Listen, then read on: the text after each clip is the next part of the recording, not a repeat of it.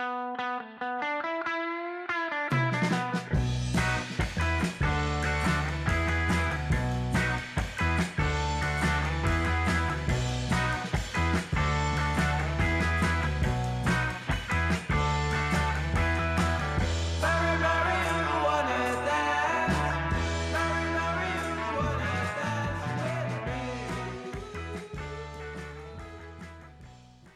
Welkom bij High Tea met Dirk en Rens, een podcast over cannabis. Mijn naam is Dirk Bergman. En mijn naam is Rens Hoppenbrouws.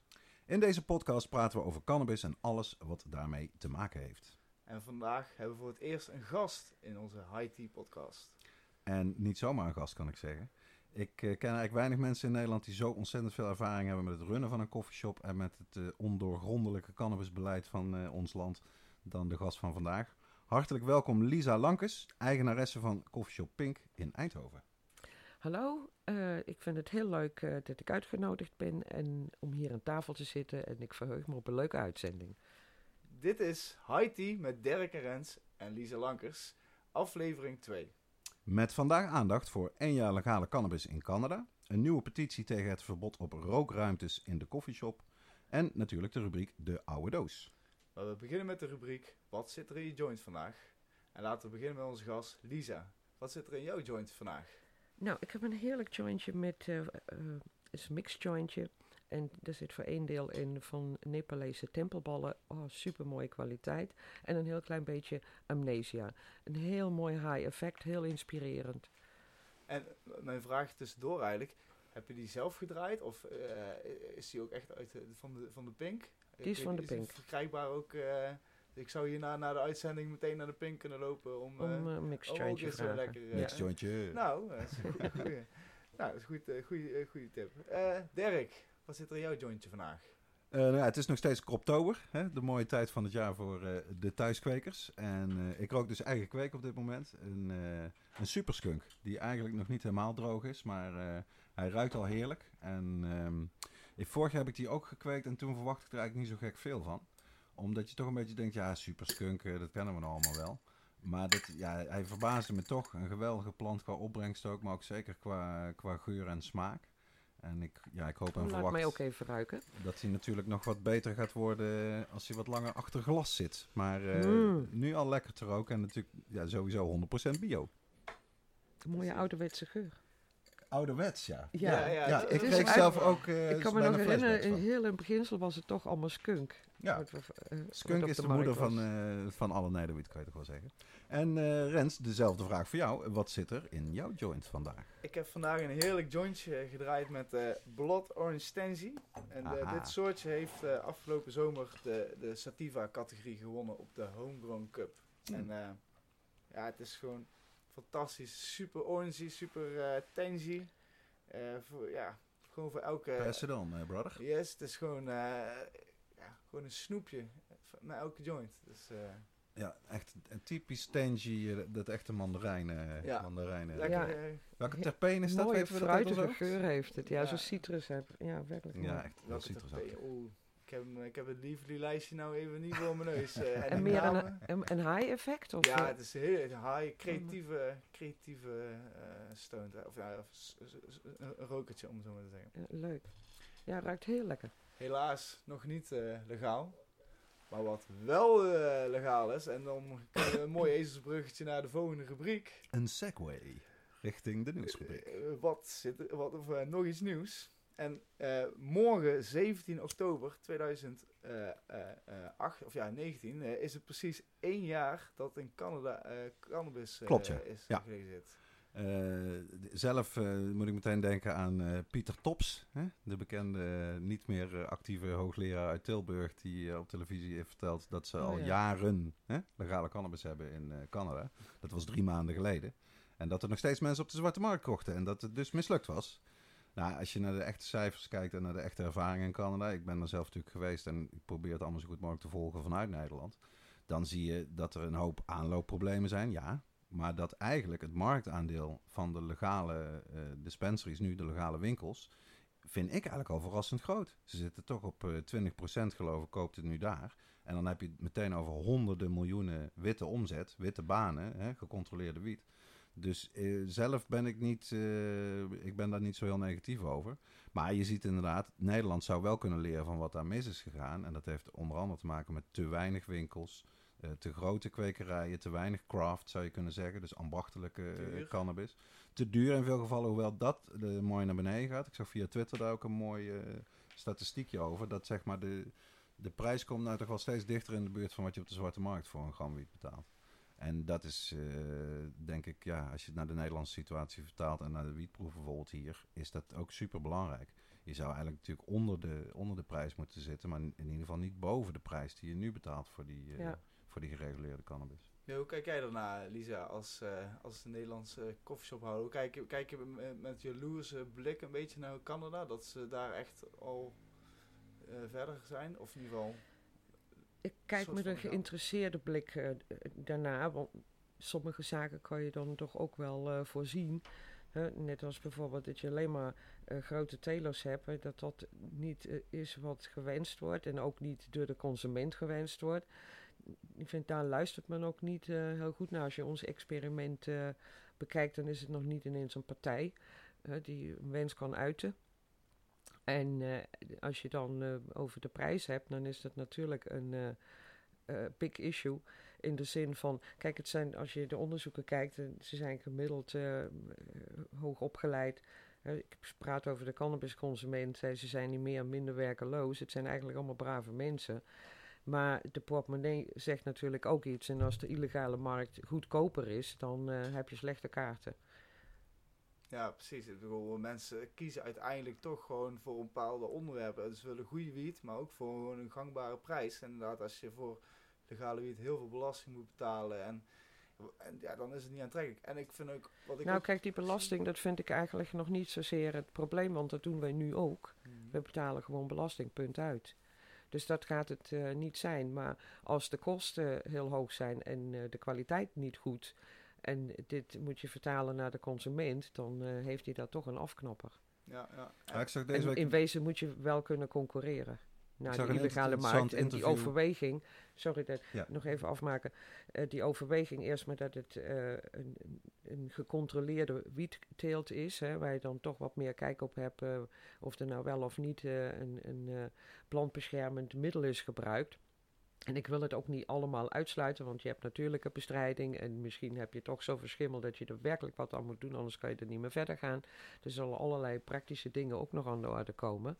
Maar uiteindelijk eh, ben je wel verzekerd van het product waar je krijgt. Dus dat kan ik me voorstellen dat dit een, eh, een, een, ook heel iets prettigs is voor de consument. Maar het verhaal prijs, kwaliteit, dat moet kloppen. Ja, Ja. ja. Ja, ik las een interview met Erik Poot van de Universiteit van Wageningen. Eh, dat was volgens mij via de Monitor. Eh, en hij legde uit dat ze, ze zijn al een tijdje bezig daar. Zij hebben een ontheffing van VWS om voor medicinale doeleinden te kweken. Dus dat doen ze in een experimentele opzet. En wat, ik, wat me daaraan trof is dat hij zei... de eerste keer dat we cannabis gingen planten, dachten we van ja... wij hebben al honderden soorten planten hier gekweekt op de universiteit, eitje. En hij zei nou, er ging echt van alles mis. Want het is toch wel een, eh, het is wel een vak om cannabis te telen. En dat vond ik erg mooi uit de mond van iemand van de Universiteit Wageningen. Ja. En hij verwacht dus dat dadelijk bij de wietproef eh, een aantal partijen die hè, meedoen voor de teelt, dat die ook dit soort eh, aanloopproblemen zeker Ja. zullen hebben. Omdat het echt toch niet zo makkelijk is als wat heel veel mensen denken. Zeker niet op grote schaal. Want ook dat zei hij erbij. Kijk, in Wageningen is allemaal vrij beperkte schaal. Het gaat niet Mhm. om kilo's te maken, zeg maar. Dus dat was een interessante stem in het debat. En eh, ja, het blijft natuurlijk heel interessant om te kijken hoe het zich ontwikkelt met die wietproef. En of het ook gaat lukken, of er voldoende telers zijn. Als je nu al hoort dat de, de telers die het proberen, of de, de, de, de, de mensen die ermee bezig zijn, niet eens een bankrekening kunnen krijgen. Zoals het, hè, het initiatief in Breda, eh, wat de krant heeft gehaald. Ja, dat lijkt me toch weinig, eh, weinig optimistisch stemmend. Denk jij dat die, eh, dat- die wietproef een succes gaat worden, Lisa? Breed gezegd. Dat is een goede Ik, vraag. ik, tussen ik wens het op zich wel. Want ik denk dan ook aan het lot van de ondernemers. Als, als dit een, een rampverhaal wordt, dan is het voor je bedrijf ook een ramp. Hmm. Eh, eh, als de, de klanten wegblijven, dan eh, ja, kan je sluiten. En ik hoop niet dat het ergens daar naartoe gaat en dat er genoeg flexibiliteit is om, om zaken op te kunnen vangen. Maar die, er is heel weinig ruimte in, in, in, in dat hele experiment. En eh, ik denk als het dan irgendwann misgaat, hè, want ik lees dan bijvoorbeeld eh, dat hè, nou, grote tele- eh, kwekerij in, in, Canada, en als je een keer de schimmel in het gebouw hebt en je komt er gewoon niet meer vanaf, uit ellende moet je gewoon, eh, gewoon gaan verhuizen en elders gaan Ja. opzetten, want het, het gaat gewoon niet, je krijgt niks meer van de grond. Dus de capaciteit kan een probleem worden. Als je dan niks aangeleverd krijgt en je hebt niks te verkopen, dan is het probleem even groot. Ja. ja. Ja. En ja, kijk, in wezen, ik ben helemaal niet blij met een experiment, want het houdt ons heel veel jaren op om eh, werkelijk een stap Ja, eh, in de, uitstel, in de toch? lega- naar de legaliteit te maken. Oké, genoeg over de wietproef zou ik zeggen. Je kan er lang over praten, maar meestal word je er toch niet heel erg vrolijk van. Een ander nieuwsitempje is, er is een nieuwe petitie deze week gestart tegen het verbod op eh, rookruimtes in coffeeshops. En dat is dus naar aanleiding van die Hoge Raad-uitspraak in de zaak die Stichting Clean Air Nederland, Stichting CAN, notabene, heeft eh, aangespannen om eh, de rookruimtes volledig te verbieden. Eh jij had die petitie ook al gezien, Lisa, of niet? Ja, ik heb hem ook gelijk ingevuld. En de, wat is de eis, zeg maar? De- nou, ze hebben meer, meerdere punten. Mhm. Ik heb ze nou niet allemaal direct op mijn netvlies, maar het gaat erom. Kijk, we hebben toen eh coffeeshops, opdat je voor de gebruikers een ruimte hebt, een gebruikersruimte. Maar nu zeg je, je mag niet meer gebruiken. Ja. En eh, Althans niet met tabak, hè? niet, Dat niet met ding. tabak, Ja. uiteraard. Zei. En eh, ik vind het ook wel een goede zaak als die tabak uit die joints gaat, maar dat krijg je niet 1, 2, 3 voor elkaar. Eh, waar, je dan, ja, waar ik dan bang voor ben, hè, dat mensen buiten gaan roken en dan krijg je weer telefoontjes over overlast, van ja, het ruikt een beetje enzovoort. Zijn met al de negatief imago, hè, dan eh, eh, ervaren dat mensen ook eh, als eerder hinderlijk gaan. Eh, ik zou het ook niet mooi vinden als we allerlei verbodsbordjes eh, eh, in de stad hebben staan. Het lijkt er net alsof we reclame maken voor de wiet met een mooi blad erop. Het, ja, ze worden dan nog gestolen door toeristen. Ja, en, in Amsterdam zijn ze er daarom mee opgehouden, hè? want ze werden te vaak gestolen voor souvenir. Dus die blauw bo- verbodsborden, dat... ik dat vind het ook heel mo- moeilijk in de handhaving tuurlijk. om, om te zeggen van heb je nou werkelijk geen tabak in je jointje zitten? Ja, ik vind het erg lastig. Het komt ons ook enorm eh, overvallen op Ja. zo'n korte termijn. Want in wezen, we zaten bijvoorbeeld met eh, de vereniging in Breda, hadden we het erover van laten we een soort campagne voeren. in de zin van dat wij iets weggeven aan de klanten wat wij, wij mee kan vaporizen. En dat je een grote aanzet maakt van Ja, probeer dat nou eens een keer en eh, dat is eh, eh, veel beter. Eh, en neem je puntje per paaltje. We staan nou op eh, de lijst van de middelen in het midden. Maar als wij zonder tabak zouden consumeren, dan zouden we eigenlijk zakken Ja, in die lijst. naar een het nog schadelijkste in een Ja. mixed joint is natuurlijk de tabak en niet eh, de wiet of de hash. Ja, ik ben er zelf ook schuldig aan, moet ik eerlijk bekennen. Ik, eh, van veel vrienden, of nou van veel vrienden, van een aantal vrienden die puur roken, die, eh, die, die lachen me of die proberen me elke keer op te wijzen dat ik die, die tabak Je eruit moet het eens bij houden. Amerikanen proberen. Ja, maar ik moet inderdaad, ik je ben uit. er echt mee opgegroeid. En Ja, zo is- slechte gewoonte ja, in is echt, Nederland eh, eigenlijk. en- Heel Europa, hè? Ja, is in- Amerika- door de hash en eh, tabak, Ja. zo zijn we er een beetje ingerold. Ja. Maar, eh, Ja, in Amerika roken ze puur, hè, daar is dat helemaal geen issue. Het, het zou mooi zijn als die ook zo was geweest, maar we zijn ergens in de historie begonnen met tabak. En zo gaat het Want- van de ene op de ander. Denk je ook, Lisa, Maar dat we dat moeten komt door de eh, hash? Dat- mhm. Omdat we hier zijn begonnen met hash te roken en dat dat helemaal Dat lastiger is? Ja, eh, dat kan je moeilijk puur roken, dat Ja. klopt. Hè. Er zijn eh, heel wat gedoe of die kleine pijpjes heb je Ja. natuurlijk nog. Maar ik denk dat het ook daarmee te maken heeft dat het vanuit die, eh, vanuit die historie van gebruik eh, zo gegroeid is. Het woord historie is eh, gevallen. Lijkt mij een mooi eh, brugmomentje om naar de rubriek de oude doos eh, te gaan. Wat heb je in de oude doos vandaag? Ik heb eh, in de oude doos een, eh, een foto die ik jou nou even laat zien. En die je nu even mag eh, beschrijven voor de luisteraars van High Tea. Eh, dat was eh, de opening, of nou niet de opening zelf, maar de heropening in het nieuwe gebouw van Coffee Shop Pink in Eindhoven. En eh, toen was er ehm, eh, Simon Vinkenoog. En eh, die heeft er nog eh, een hele speech gehouden. En eh, ik zie nou de dame van Omroep Brabant. Wie is Simon Vinkoog voor de, misschien de mensen die, eh, die niet... Ja, die zal ik toch zelf even ja, moeten beantwoorden. ode eh, op kan spreken, dat Ja. vind ik. Ja. Simon Venkhoff, voor wie hem niet kent, hij is een aantal jaren al dood. Was in feite de eerste cannabisactivist van Nederland. Was de eerste bekende Nederlander die openlijk op televisie, radio en in de krant vertelde dat hij wiet rookte en dat hij dat heel lekker vond en geen probleem. Hij is in de eerste plaats dichter, maar ook schrijver, columnist. Hij heeft van alles gedaan. Buitengewoon interessante man. Hij heeft ook meegedaan als een van de eerste 30 Nederlanders eh, die LSD namen. In een wetenschappelijk experiment nog voordat LSD verboden werd. Dat zijn leven waanzinnig heeft veranderd. En hij is, ja, hij staat ook bekend als de hoge priester van de haai in Nederland. En wat dat betreft was hij eigenlijk ook geen betere persoon toen de Pink met een fantastisch nieuw pand. Eh, want dat is misschien ook wel leuk om even te memoreren. Kijk, ik eh, zei de oude lul, kwam al bij de Pink. Toen die nog Pink Panther heette. Mhm. En super klein was. Het was echt een van de kleinste coffeeshops die ik kende. Mhm. En volgens mij heeft het ook jaren geduurd. Ik weet niet of dat de planning was of de vergunningproblematiek. Maar voordat er eindelijk dan die nieuwbouw. Hè? Ja, het was wel een eh, wat slepend eh, proces. Maar toen het uiteindelijk gelukt was, eh, stond daar dus inderdaad het geweldige gebouw wat er nou nog steeds staat. En won ook geloof ik meteen in hetzelfde jaar de, pers, eh, de persprijs voor het beste, mooiste nieuwe gebouw van Eindhoven. Nee, dat was eigenlijk de architectuurprijs voor binneninrichting. Ah, Oké, En wij waren genomineerd en hebben de publieksprijs gewonnen. Dus je hebt een jury die, maar, eh, die, die zegt ook wie ze de winnaar vinden. Mm. Maar je hebt ook het publiek kon Ja. kiezen. En eh, de- eh, die prijs hebben wij gewonnen. Dat was in 97. En eh, het is nog steeds hetzelfde, die inrichting. Maar hij is op zich zo uniek dat je ook niet de behoefte hebt van dit Ja. moet ik veranderen. Je hebt ook Klopt. het idee van, oh, dat hebben ze verleden jaar eh, het net, net ge- gemaakt, Is het interieur. huidige, Het de is heel sterk. design van toen? Van Ja. 95 Nee, eigenlijk. ja, hè? Ja. ja, ja, toen Ja. is het... eh, Oh ja, het ziet er echt nog hedendaags en heel erg hip uit inderdaad. Ja, ik is vind zo'n eh, sterk ontwerp dat ik het ook zeer koester. Je moet natuurlijk hè, die loopbrug enzovoort ze allemaal weer vernieuwen, geweldig, vervangen, ja. want eh, het, het, het slijt gewoon. ja, ja. Maar het is zeer de moeite waard. Het is Bert Staals heeft dat eh, ontworpen. Hij heeft ook eh, bijvoorbeeld de raadzaal ontworpen in, in de gemeente Eindhoven. Ik vind hem bijzonder eh, iemand. Ik vond het ook heel interessant om met hem te werken. Ja. Want eh, de items die je dan als eh, ondernemer zegt van ja, je wilt geen haardrugs.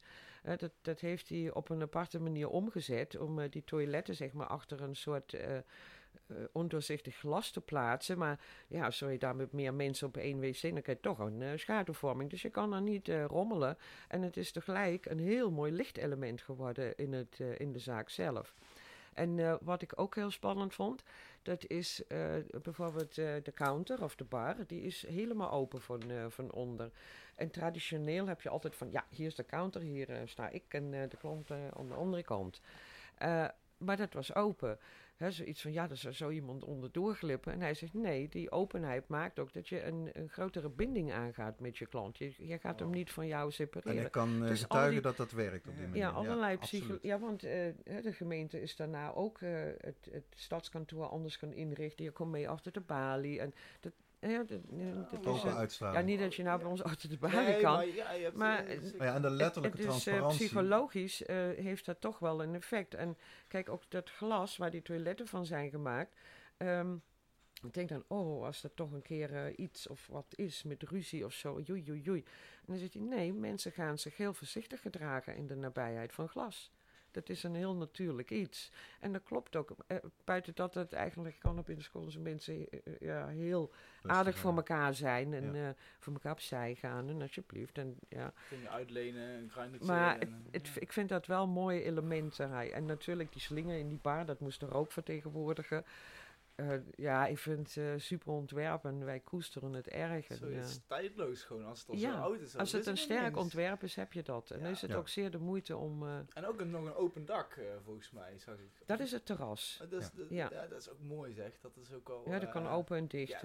Omdat je nooit uniek. nergens mag buiten blowen. Je mag voor op straat geen terras hebben als coffeeshop. Maar ja, om, om ons allemaal op te sluiten is ook niet leuk. Nee, nee, nee. Dus zo'n terras is gewoon eh, heel fijn. en, en lekker fris. Zo de, de rook waait ook meteen weer weg. Dus Ik zie nog wat historie op de Ja, ik foto. ga, ik ga nog even terug op de foto. Ja, want we zien niet eh, alleen, eh, we zullen hem op Instagram Nee, ook ik- zetten. ik- zij zat eh, High in de podcast met een T. Ja, dat is wel, Hier, er zijn twee ja. meisjes op Ja. de foto. Die zijn helemaal als Hollandse meisjes gekleed.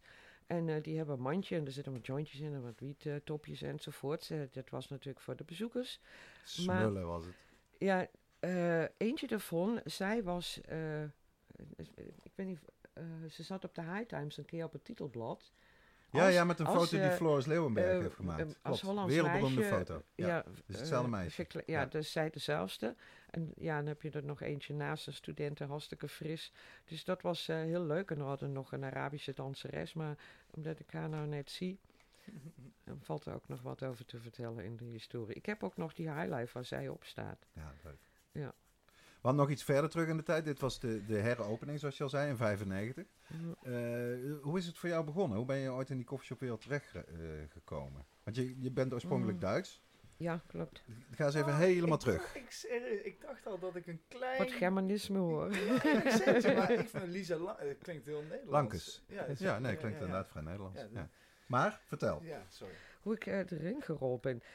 Nou, kijk, als je als eh, meisje eh, eh, cannabis rookt, hè, dan, ik vond het niet altijd even prettig om naar een dealer te gaan.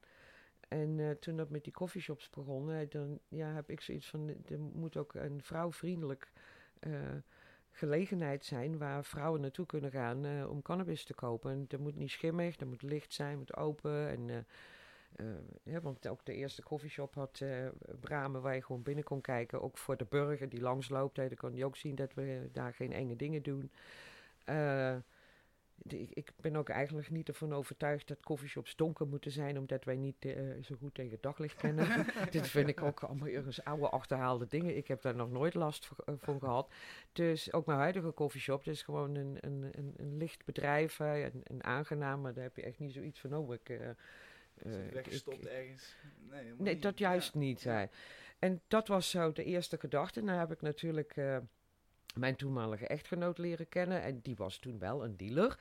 Eh, Die zat in de White Horse, Ja, toch? die Een- zat een in de White Horse legendarische eh, nachtkroeg is dat in, eh, in Eindhoven in die destijds. tijd, ja. De, de kon, kon je Op de kruk. dealer kon je Ja. toen een kruk huren en dan... eh, Wauw, wat wat een- verkopen. Een Hij- kruk hij- huren? Serieus? ja, zo, was dat daar toen. En dan had je nog eh Begijntje en, eh, en de bakkerij. En daar zaten dan ook dealers Ja, op de kruk. Dat waren zo'n beetje. En dan had je nog huisdealers in die tijd, hè, van, Ja. een, van een woonadres. Moest dan ook niet te druk worden, want anders viel je in de kijker. Maar eh, dat was in wezen toch wel een, een, een grote drijfveer. Ja, dat is ook een visie wat je dan hebt. En eh, die wil je dan ergens omzetten. En eh, later konden we de, de, het pand daarnaast kopen. En zo is het dan ontstaan dat er een nieuwbouw is gekomen. En eh, heel die, dat gebouw is eigenlijk door die koffieshop ontstaan. Het was eerst een noodgebouwtje van eh, het oorlogsverleden. Het was weggebomd en hebben ze maar een heel klein bouwtje, gebouwtje neergezet. Een postzegelwinkel of zoiets was het, zonder toilet. en eh, daarna is daar die koffieshop gebouwd, waar ik toen straks vertelde ook, eh, die, wij die prijs hebben gehad, eh, waar ik eigenlijk nog best eh, trots op ben. Ja, zeker. En terecht Oh, natuurlijk, Zeker, ja. ja, zeker. Ik denk, ook, ik denk dat dat een unicum is, eerlijk gezegd. Een architectuurprijs voor een koffieshop. Ja, ik zou er geen tweede kunnen noemen. Maar inderdaad Ja, maar- terecht. Het was ook, ook nog een klein beetje een andere tijd. Kijk, zo in, Hmm. in de jaren negentig hadden wij toch allemaal nog de hoop eh, dat die achterdeur eh, gelegaliseerd zou worden.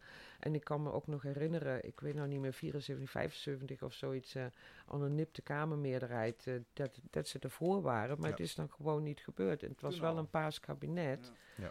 En ik- dat, dat is ergens een gemiste kans. Maar het was ook toen in een andere sfeer. Als je nu kijkt, hè, na meer dan tien jaar. eh, ja, het lijkt net alsof de spindokter bezig is en zegt, eh, hè, doet de krant open en, dag in dag uit eh, een wietblad met kogelgaten en de engste verhalen en, en cijfers. En ik denk, hoe komen jullie er allemaal bij? Eh, de onderzoeksrapporten waar niks van klopt. Maar eh, in, in, in dat, dan zit je in wezen de burger ongevraagd iets op te dringen. En eh, gaat jouw imago steeds meer achteruit. En eh, ja, nou word je neergezet als een soort crimineel. Ik denk als je irgendwann een koffieshop wil openen, dan eh, springt de hele buurt overeind. Terwijl een buurt waar een koffieshop is, eigenlijk best wel blij is met zijn koffieshop. Dat blijkt ook zelfs in die buurten waar dan heel heftig protest is als ze ervan horen hè, dat er een koffieshop gaat komen. Mm. Dan moeten ze allemaal eigenlijk na een jaar toegeven, oh, het is eigenlijk beter voor de buurt. Ja. Het wordt veiliger en gezelliger Ja. Doordat er een koffieshop is. En dat is inmiddels ook in Canada en in Amerika, kan je dat ook met harde cijfers staven, hè, dat effect. Ja, de huizenprijzen gaat zel- gaan zelfs omhoog als er een cannabiswinkel daar wordt geopend. hoe, hoe verder weg, hoe, hoe groter de klagers of hoe groter de klachten. Ja. Ja, dat denk ik ook wel, ja. Dus dat is die beeldvorming. Het, het is een beetje jammer dat de pers er altijd zo gemakkelijk op inspringt en eh, weinig kritisch is. Maar Mm. daarom hebben we natuurlijk High Tea, de podcast. Zodat we daar een tegengeluid kunnen laten horen en een beetje realiteit in het debat brengen. Dat is althans eh, de hoop natuurlijk. Inderdaad. Nou ja, er is nog een tegengeluid, als ik het zo heel kort mag opmerken. Ook misschien in het, eh, uit het potje van de historie. Ja. Eh, je hebt de cannabis kieswijzer. En eh, daar zit dan vast de radio-uitzending elke dinsdag van 7 tot 9 van Peace on Drugs. Die kan je lu- beluisteren via Ridder Radio. En eh, dat vind ik altijd toch een zeer inspirerend eh, programma. Absoluut. En Ja. als ik dan toch ergens een brief eh, schrijf, of zij het dan naar gemeenteraadsleden of wat dan ook, vind ik dat altijd zeer inspirerende en ook deskundige informatie die ik dan hoor. Het is ook leuk om naar te luisteren. Ja, gepresenteerd door Jeroen Bos hè, van Ja. Koffieshop de Grasje in Utrecht. En Gerrit-Jan van Ja, Koffieshop die de Os ook altijd in vast bij. Ja, dat is, eh, ik probeer het zelf En ook zo vaak Ja, mogelijk te Guus en luisteren. nog iemand zit er altijd vast Ja, bij. Guus, dat Guus is de ook van het plantenwetenschapper. eh, Ja, dat is, die, die, die weet alles over kweken. Over Ja, telen die is zit er die, vast bij. Ja, Ja. die, heb ik, die ken ik wel, ja. Ideale Dat is, eh, sidekick. ja, dat is En je kan eh, daar ook als gastspreker, als je mee wilt doen, eh, kan je gewoon ook zelf aanmelden. Dan eh, Ja. nemen ze je ook Ja, www.ridderradio.com. Elke dinsdagavond Ja. van eh 7 tot 9 gaan zij er live uit met Peace on Drugs Radio. Dat is inderdaad een uitstekende tip. Ja, en leuk dat eh, dit eh, medium erbij is gekomen. Ja. Ja, denk ik wel. Echt, ik ben, ben er heel blij mee. Ehm Dirk, heb je nog een eh, leuke vraag eh, voor eh, onze Lisa? Nou, wat ik me wel afvraag, en dan gaan we misschien toch een klein beetje terug naar de wietproef. Maar toen bekend werd dat Eindhoven niet meedeed aan de wietproef, dacht jij toen hoera of dacht jij toen eh, jammer? Ja, het, is een beetje tweesnijdig. Eh, Kijk, ergens eh, wil je gewoon, dat, dat wil ik al zo lang en ik hoop dat ik het werkelijk nog meemaak, eh, die achterdeur gelegaliseerd wordt. Maar als ik de omvang van onze stad kijk en het verzorgingsgebied, dan zie ik daar toch wel aardig wat hommeles op ons afkomen. En je kan dan wel proberen, en dat heeft ook onze burgemeester geprobeerd, om daar wat verandering in te brengen. Maar het is gewoon zo stogijns. Ja. En eh, geen ruimte. En als je dan puntje per paaltje kijkt eh, hoe de stemmingen zijn in de Tweede Kamer. Hè, over alle moties die zijn ingediend. Dan is ook D66 eh, houdt zich keurig aan de afspraken die ze met de andere partijen hebben gemaakt. Dus daar komt ook geen water bij de wijn. Ja. En dan denk ik ergens dat je, dat je niet de grote stad moet uitkiezen. En Want Eindhoven is de vijfde stad van Nederland, hè? Ja. Dus eigenlijk ja, meteen na de, de grote drie en Kijk, we hebben ook geen, eh, geen... Ja, dus Helmond heeft één koffieshop, wat ook veel te weinig is. Maar verder in de hele regio is niks. Nee, klopt. Dus eh, Nul optie. dat is dan heel geconcentreerd. En als het fout gaat, gaat het geconcentreerd heel erg fout.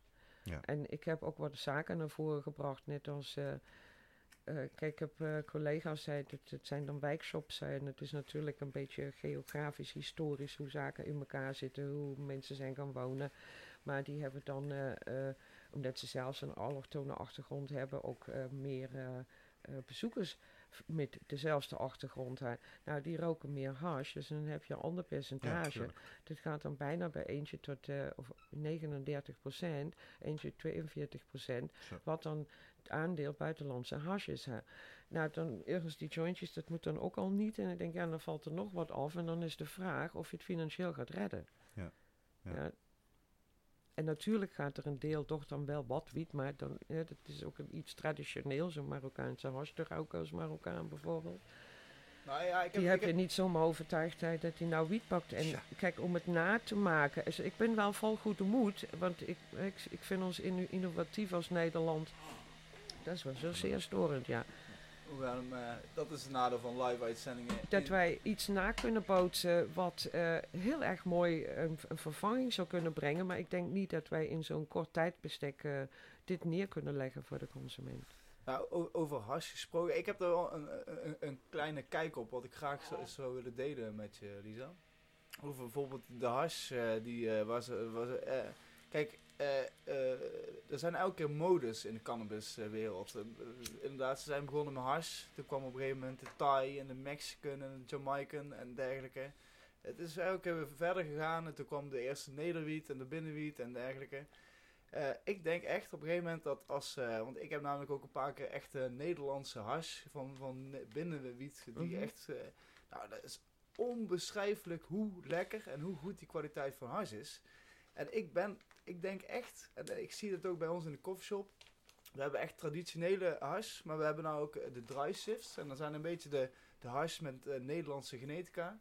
En je ziet echt dat ook de Marokkaanse gemeenschap heel enthousiast is over Nou de ja? nieuwe soort hash. Ja, ja, zeker echt. eh, het is echt, eh, ze, ze- hun gaan ook eh, mee met de mode. En het is ook een beetje natuurlijk een traditie. Maar ik ben ervan volle overtuigd dat als eh, hier de legale wiet zou komen en ze kloppen daar de hash van, waar je mooie witte of Nou, lichtbruine kijk, hash, ik, denk dat je het is ook... een mooi product, dat ben ik helemaal met je eens, maar het is een ander product. Ik heb ook wel eens met mensen gesproken die echt heel erg veel van concentraten weten en zelf alleen nog maar, zeg maar, isolator roken, of, ja, zo puur mogelijk. En die zeggen, kijk, die, die, wat, jij eh, eigenlijk denkt, of de- denkt te kennen van Marokkaanse of Afghaanse hash, wat je, wat die, die smaak, is allemaal vervuiling. Ja, het zijn ja, gewoon het eigenlijk De vieze handen van eh, mensen die dat maken, en dat is omdat het heel groot schakel is, veel stof zit erin. eh, Dat is ook de kleur voor een deel. Maar de grap is natuurlijk, als je even de vergelijking maakt met wijn bijvoorbeeld.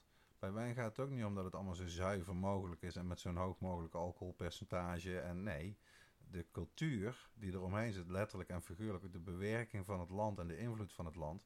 Dat, dat zegt iets over het karakter van, van een wijnsoort. En natuurlijk ook de druiven en ook de manier waarop je het maakt. En dat, daar zit denk ik toch veel parallellen met genetica, dat is ook Ja, eh, van, want van dat is grote tegelijk- invloed. Ja. tegelijk een ontwikkeling die je ziet, dat nou in Marokko steeds meer met zeg maar westerse hybride soorten, die zijn ze daar aan het Ja. planten. Dus daar verandert de hash ook al door. ja, ja, precies. En dus, maar ik, ja, kijk, Mag ik ik denk daar van, nog iets over zeggen? ja, heel graag. Ik vind het, ik vind het namelijk waar in een risicosfeer komen, wat die genetica van die planten eh, Mm. betreft.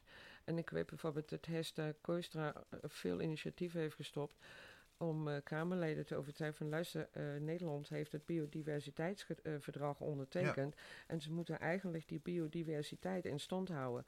En als ik dan eh, toesta, medische cannabis, hij, dan wil ik daar toch ergens greep op. En het gaat werkelijk om die oerzaadjes. Hij, en de Russen, die hadden, ze, ze heeft het helemaal uitgezocht. Als je, misschien moet je haar een keer ja, uitlaten want la- even nodigen tussendoor, over het Hes onderwerp. Koistra, voor- oh, ik wilde nog niet, ik wilde, oeh, ik wilde Hester niet eh, Koistra. ingrijpen, maar inderdaad, wie is Hester Koistra voor de luisteraar? Eh, zij is wetenschapster en eh, weet heel veel over de materie. Ik heb haar leren kennen via een WOP. Eh, waar zij in wezen die THC sterkte. Ze wilde die onderliggende documentatie hebben. En daar bleek dan uit dat nog justitie, nog eh, het Forensisch Instituut, nog eh, eh, de politie eigenlijk zin had in dat. En wat zo moeilijk is ook voor de consument, die kan niet zien dat hij nu harddrugs heeft. Hè. Dat, eh, dus je zit eigenlijk het- ook de consument die een beetje voor zichzelf teelt, heel snel in een criminele hoek te gooien, want het is dan harddrugs. Hè. ja, en even voor de achtergrond, dat was dus in de tijd dat ze een maximum THC-percentage van 15% wilden invoeren en zeiden, alles wat daarboven zit, gaan we dan als harddrugs voortaan Ja, bestempelen. zo, dus ja, ook ja. alle straffen die daarvoor gelden, dat is dus inderdaad, Mhm. als jouw zakje toevallig 15,5% THC heeft, dan heb je dus harddrugs op zak. En godzijdank, mede dankzij Hester Koistra en inderdaad die WOP-procedure, wet openbaarheid bestuur, zijn die documenten op tafel gekomen en, en daarna is het, het hele plan gewoon een toch... Ja, eh, want het is een willekeur, eh, willekeurig getal hoor. Dat, dat zegt ook de, die Gerritsen die dat eh, rapport heeft geschreven. Dit sloeg ook nergens op. Nee, en ik denk wat je met een deel van de bevolking doet. En ook als ik het, als ik het koop en het blijkt dan net 15.1 te zijn, hè, dan heb je al een probleem. Dan moet je het eh, snel eh, in de goot gooien. Of, eh, want eh, dan heb ik als koffieshop een mega probleem. Ja, goed, dat is dus Hester. Op, Dus- op Twitter is ze zeer actief als Soma Maar Nachpo.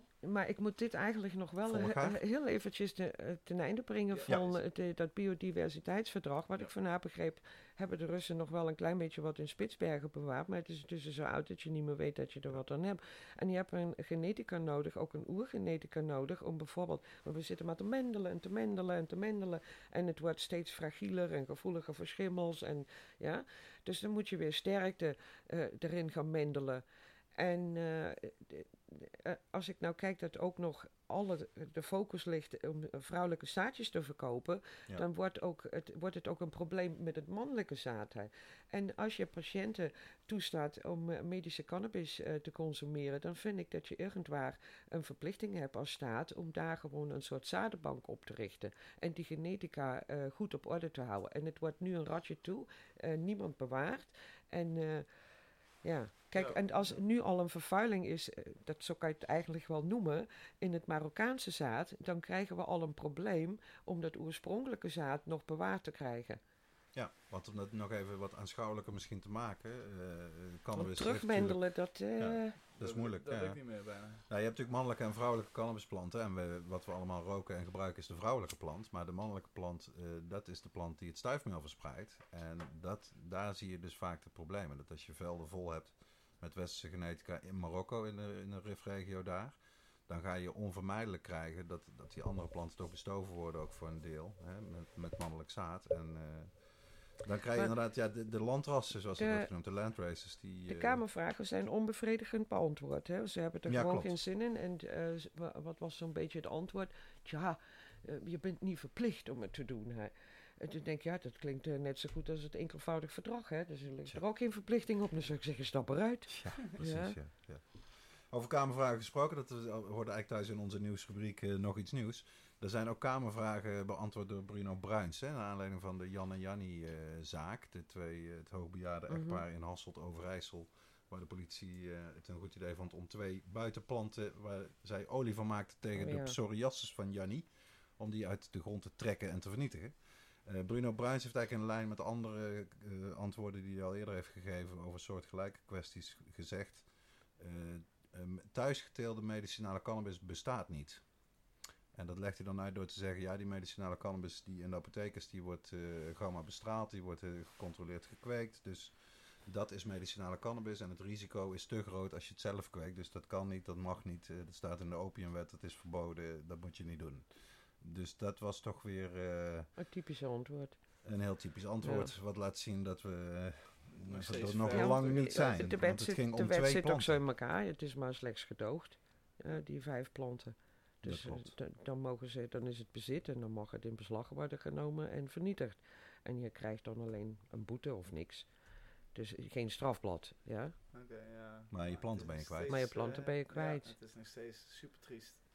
En eh, ik zeg, eh, we gaan nog naar onze laatste eh, rubriek. Vragen van de luisteraars. Nou, aangezien we net pas zijn begonnen, hebben we helaas nog geen vragen. Maar dat Er zijn wel wat reacties geloof ik op YouTube. eh, Ja, we krijgen zeer veel positieve reacties. Maar leuk. eh, het zijn voornamelijk van, nog van mensen die al nog veel kennis hebben. Dus eh, die, eh, die vragen die, eh, die, die blijven nog achterwege. Maar we zijn juist ook benieuwd naar de, de lastige vragen. De moeilijk te beantwoorden vragen. Het, Ja, het ja. indica sativa Dat is debat, wel een knubbelen.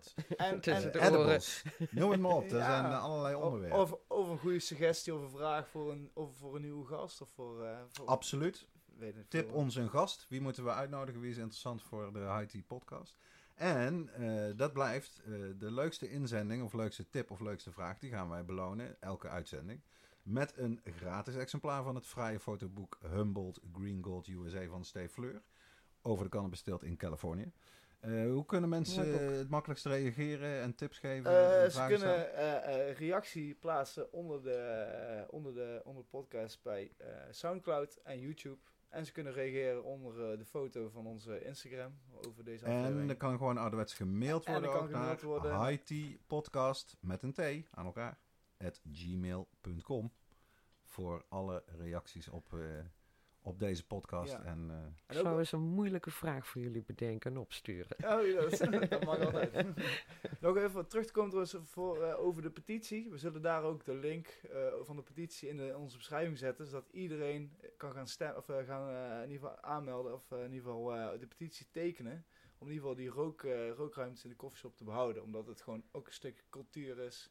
Absoluut. En eh, echt vind ik bezot voor Ga woorden erheen, teken hem en deel hem. Ja. Eh, een, een allerlaatste dingetje. We willen eigenlijk toch in iedere eh, aflevering van de High Tea podcast eh, ook een boek tippen. Hè? Wie schrijft, die blijft en eh, wie leest, eh, wordt er beter van.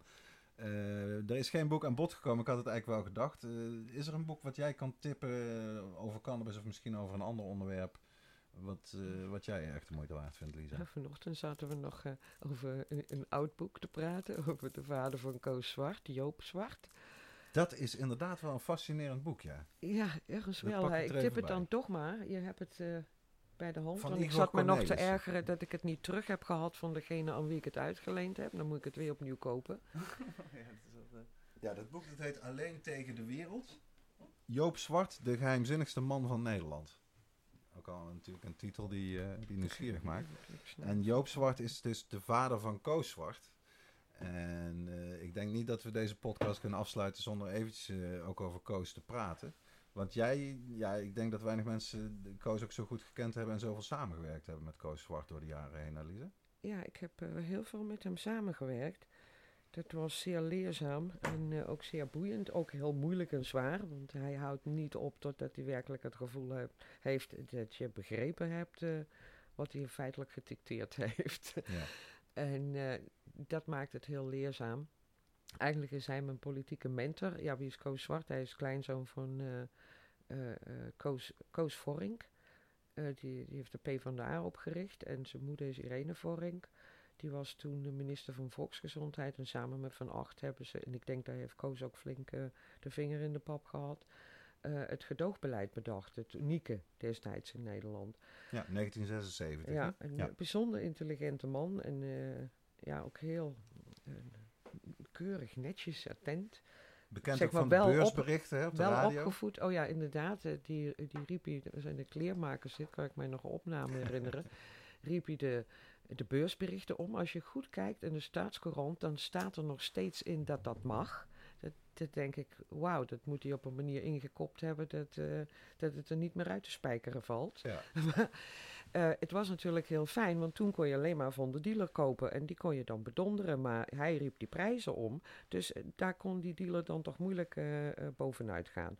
Dat was dus ook een soort controle om de markt een beetje ge- ja, in toom te houden. Ja. En eh, ik begreep een keer, eh, want ik sta ze graag te woord als ze onderzoek doen, jonge eh, studenten enzovoort. En dan ging dit richting vanuit de journalistiek. En dan begreep ik dat in de, in de opleiding, als je die studie volgt, dat daar ook een onderdeel van bij zit dat je met de radio feitelijk politi- eh, politiek ma- kwam maken Ja. of werd gemaakt. Zeker, Ja, en dat was met de Rode Haan. absoluut. Ja. Dus dat boek Alleen tegen de wereld, het gaat over zijn eh, vader. Het was lange tijd eigenlijk ook onduidelijk wie dat nou eigenlijk was. Nou, hij is niet zijn vader. Hij, Nee? maar hij, heeft voor, eh, in die tijd, ja, eh, die, is een- eigenlijk is Koos, zoon Koos van Vorink en dan een, een dochter met zwanger en dan niet getrouwd en met een politieke carrière in het oog. Dan eh, was dat niet zo'n fijne. En die Koos Zwart, als je het boek leest, het is een zeer pragmatische man. En dan weet je ook nog eens wat in een eh, land achter de gordijnen nog ook allemaal kan gebeuren. Die is eh, met Irene gaan trouwen. Op dat, dat beeld klopte. En ik neem aan later weer gescheiden. Ja, ja. ja want Op- Koos, ik heb hem. Koos Zwart, ik heb hem ook maar meegemaakt natuurlijk op vergaderingen, onder andere van PCN. Hij, hij kon buitengewoon lang aan het woord zijn. Hè? Kan, je, kan je daar eens iets over vertellen wat, wat zijn boodschap eh, in het kort, wat hij zelf eigenlijk niet kon, was? Nou ja, eh, kijk, als je eh, vordert in, in dat wat, wat hij weet en wat hij vertelt, als je meer van geleerd hebt, dan kan je dat volgen. Maar als je als daar binnenkomt zitten bij zo'n vergadering en je hoort hem aan, dan weet je niet wat je overkomt. Hè. en ergens voel je je eigenlijk dan ook erg dom. eh, alsof je eigenlijk helemaal niks weet. En ook eigenlijk niet hoe onze Nederlandse staat werkt. Dat je dan misschien op school niet zo goed hebt opgelet. Klopt. Eh, zo voel je je een beetje. Ik, ik weet ook dat ik in het begin eh, ook bijna geen vragen durfde te stellen. En, maar ik ben steeds meer projecten met hem gaan doen. En ik, zie ook werkelijk zijn liefde voor... eh, om het je ook te leren en om het je ook la- te laten weten. Want het is toch zo nu en dan werkelijk eh, ingewikkelde materie. Ook het staatsrecht. hè. En eh, het, het onvermoeibaar. Want ik zie me wel eens voor de computer met een Skype... 's s'nachts nog in slaap vallen. En ik zit... Ik ben in slaap gevallen. Nee! Zo, zo. Nou, dat ging even niet zo, eh, dat ging even niet zo lekker. Oeps. Eh, Dirk, misschien kun je even vertellen wat, wat fout ging? Eh, ja, nou ja, dit is echt een leerproces, hè. aldoende leert men. En vandaag hebben we dus geleerd dat we ook goed moeten opletten of er wel genoeg ruimte is op de geheugenkaart die we gebruiken voor de opname van de IT-podcast. En daardoor zijn we de laatste, nou drie minuutjes denk ik, van, het, van de uitzending met Lisa, die hebben we helaas niet op kunnen nemen. Maar gelukkig het allergrootste gedeelte wel. En ehm, misschien kunnen we er nog wel eens een keer terugvragen als we wat verder doorpraten over Koos Zwart. Wat natuurlijk inderdaad een fascinerende figuur is in de Nederlandse cannabiscultuur. Ja, dus, eh, en voor de rest was het daarna nog de afsluiting. En eh, die kunnen we sowieso nog wel even herhalen. Absoluut. Dat is verder geen... Alleen, he- helaas is eh, Lisa al naar huis. Dus die moeten we even ontbreken. Maar we willen sowieso echt vanuit het grond van ons hart Lisa bedanken voor deze leuke uitzending. En heel informatief. En eh, ik heb het gevoel dat ze het ook erg leuk vond. En eh, ja, dat is wel... eh, Ja, vergeet niet te reageren. Hè. Onderaan de, de, de YouTube-versie of onderaan de Soundcloud-versie. Je kan ons ook mailen. Gewoon naar, wat is het mailadres, Tea. Even kijken. Tea Podcast met een T. At gmail.com. Ja, en de leukste reacties en de leukste vragen of tips voor gasten, die gaan we elke uitzending belonen met een fraai fotoboek van Steve Fleur. Eh, Humboldt eh, Green Gold USA. die- die had ik die Over retail in Californië. Prachtig boek, mooie foto's, leuke tekst ook. Echt een, eh, echt een leuk bezit voor iedereen die van cannabis houdt. Dus eh, reageer, stel een vraag, geef een tip. En eh, volg ons op Instagram, High Tea Podcast aan elkaar met een T. En eh, dan gaat alles goed komen. Ik zou zeggen, tot de volgende keer. Bedankt Rens. Dankjewel Dirk. En eh, tot ziens. Tot de volgende keer. Bedankt allemaal. High